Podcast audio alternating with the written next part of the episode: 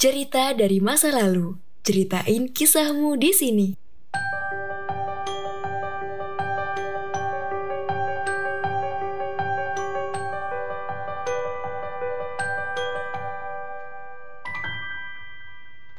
Hai Sobat Poseidon, selamat malam, selamat pagi maupun selamat siang bagi teman-teman Poseidon yang sedang mendengarkan di mana pun kalian berada. Berjumpa lagi bersama saya Aulia di segmen cerita dari masa lalu. Pada episode kelima ini, saya akan menceritakan sebuah kisah asmara seorang siswi berumur 14 tahun dengan mahasiswa berumur 21 tahun yang telah terangkum dalam episode ini. Selamat mendengarkan dan enjoy buat ceritanya.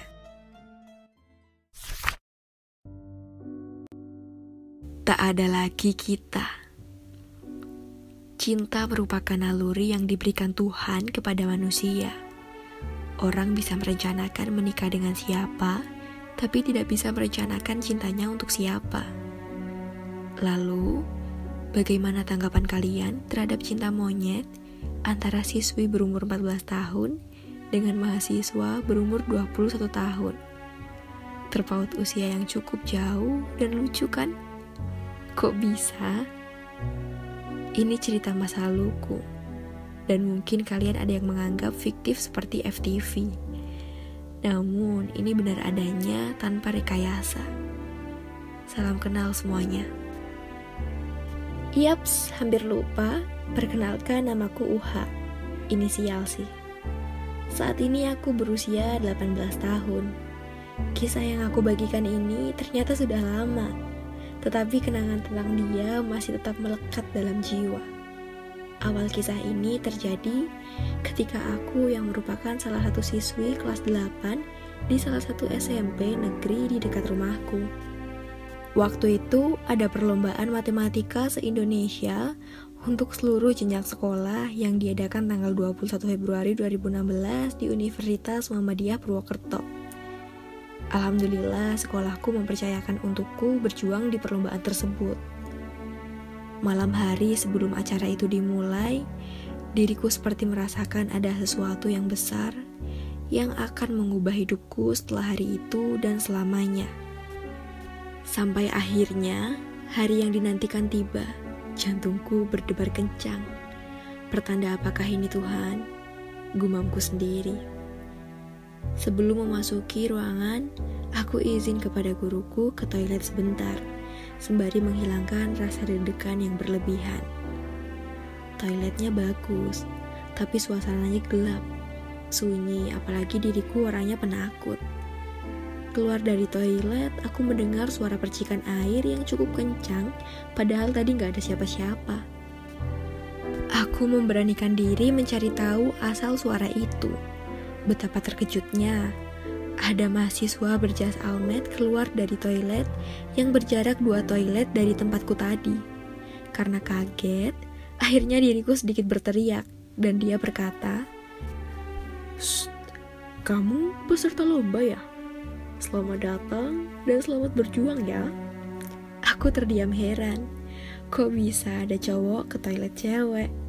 Ternyata aku yang salah masuk tempat itu toilet cowok ya ampun malu banget dan berharap semoga nggak akan ketemu lagi sama mahasiswa itu aku pun mulai melangkah memasuki ruang auditorium yang cukup besar dan luas sangat indah banget Para panitia menyambut peserta yang berbondong-bondong menuju ruang tersebut dengan senyum manisnya. Pandanganku tertuju pada salah satu panitia cowok. Dia terlalu sibuk dengan kertas-kertas yang dipegangnya di tangan kiri dan map merah di tangan kanannya. Terlihat sangat sibuk dan berjalan mondar-mandir bersama salah satu teman cowoknya. Ketika panitia yang bertugas membagikan kartu peserta, aku justru langsung duduk ke ruangan yang besar itu. Alhasil, saat upacara pembukaan perlombaan dimulai, aku baru menyadari cuma diriku yang tidak mengalungkan tanda peserta. Keringat dingin pun mulai muncul karena takut akan didiskualifikasi. Tiba-tiba, cowok berjas almet kas UMP mendekatiku lalu menanyakan perihal siapa namaku. Surprise, Cowok itu adalah orang yang kutemui di toilet tadi. Dia memberikan tanda peserta dan menyuruhku untuk segera memakainya. Aku meminta maaf telah merepotkan dirinya. Batinku, kenapa dia lagi? Kenapa bukan mas yang itu yang nyamperin? Acara demi acara dimulai. Saatnya sambutan ketua panitia. Mataku melotot tajam mengetahui siapa yang berbicara di mimbar itu. Iya, Mas Idaman yang kulihat sedang sibuk-sibuknya tadi. Dari situ aku mulai tahu namanya, inisial AN. Dia begitu santun dan gagah. Membacakan sambutannya, ditutup dengan senyum manisnya, kemudian memberikan semangat kepada seluruh peserta. Selepas acara selesai, para peserta dihimbau untuk memasuki ruangan tes. Sungguh, soal yang diujikan itu sangat sulit. You know lah, jalan terakhir pasti menghitung banyaknya benih. Sampai waktunya habis, pas sekali untuk isoma. Aku berjalan menuju masjid melaksanakan sholat zuhur.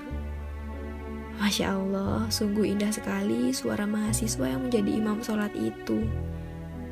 Dan ternyata, iya, mas manis itu dan aku semakin ngefans padanya. Waktunya sesi foto bersama panitia. Aku mengambil kesempatan buat dekat dengan Mas AN. Senang banget rasanya selain tahu namanya, tahu juga wangi tubuhnya. Dan dia tersenyum kepadaku. Sebenarnya sih senyum ke semua peserta. Dan itu membuatku merasakan rasa yang berbeda. Apakah ini yang dinamakan jatuh cinta pada pandangan pertama? Kalau iya, berarti dia adalah cinta pertamaku. Berhari-hari setelah lomba itu, aku merasakan rindu padanya. Sampai pada waktu itu, aku membuat akun Facebook agar bisa ngestalk kehidupannya. Satu minggu aku mencarinya, dan akhirnya aku menemukannya iseng nge-ADD pertemanan sama dia dikonfirmasi ternyata. Dan seneng banget rasanya. Aku berani memulai percakapan dengannya. Kenalan secara online. Sikapnya yang ramah, hangat, dan tentunya meresponku membuat diriku semakin kelepek-kelepek. Kami chattingan hingga beberapa bulan dan dia menghilang seperti ditelan bumi. Aku memutuskan menghilangkan perasaan ini, tetapi sangat sulit. Tuhan, kenapa di saat aku mulai pertama kali merasakan jatuh cinta, justru Engkau membolak-balikan hatinya menjauh dariku? Terlalu sakit. Setahun kemudian, aku berlibur ke Jogja selama tiga hari. Di sana aku jalan-jalan ke Malioboro, dan alangkah terkejutnya diriku melihat samar sosok cowok yang sedang duduk santai bersama teman-temannya. Tiga cowok dan dua cewek. Aku yang mulai tersadar kembali mengingat pertemuan pertamaku dengan cinta pertamaku waktu itu. Kini, setelah lama dia menghilang, aku pun bertemu lagi secara nyata. Aku melamun, dan Jogja mengingatkanku padanya. Selang dua tahun, aku duduk di bangku kelas 11. Aku mendengar dirinya telah wisuda. Tiba-tiba, dia menghubungiku setelah sekian lama hilang.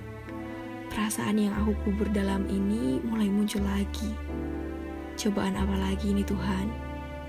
Bersusah payah diriku melupakannya, tetapi dia hadir kembali mengajakku bercerita tentang masa lalu awal pertemuan kami dari canda tawa, sebuah kejujuran, pendewasaan, dan lain-lain.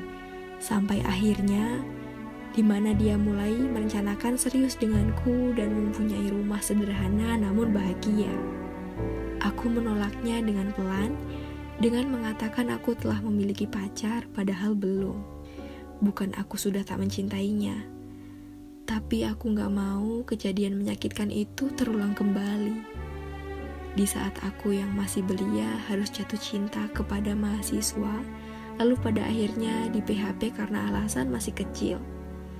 Yes, I know waktu itu masih dekil, gak ada istimewanya. Namun kenapa dirinya balik lagi? Setelah aku berubah dari segi fisik. Hmm, maka dari itu, aku memutuskan untuk tidak mempertahankan dirinya. Hingga sampai saat ini tidak ada lagi kabar tentangnya. Akun Facebooknya pun sudah dihapus. Padahal aku ingin menjalin silaturahim dengannya bukan bermaksud lain. Tapi ya sudahlah, takdir dari Tuhan sungguh indah. Aku ingin berterima kasih karena dari dia aku tahu apa itu cinta. Tentang pengorbanan, kesabaran, kesetiaan, dan penolakan. Cinta begitu indah di angan-angan, tetapi tidak dalam kenyataan. Benar kata orang, cinta tak bisa direncanakan, begitupun tak harus memiliki. Perpisahan telah lama berlalu, namun aku masih merasa kehilangan.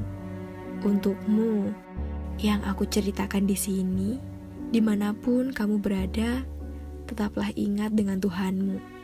Jangan lupakan ibadahmu. Selamat telah mendapat julukan sebagai Bapak Guru dan maafkan aku yang pada waktu itu tidak bisa menemuimu di tempat yang kita rencanakan. Jangan melakukan kecerobohan lagi, karena aku tahu kamu sangat mudah bergaul dengan cewek. Tak ada aku di hatimu tak ada lagi kita. Tiap sudut Jogja dan Purwokerto selalu mengingatkanku kepadamu. Di mana lagi ku cari yang sepertimu? Kau yang tak lagi mengingatku. Oke, ada pesan menarik nih buat Uha. Hidup itu bukan tentang apa yang kamu terima dari orang lain, tapi hidup itu tentang keikhlasan yang kau berikan pada orang lain.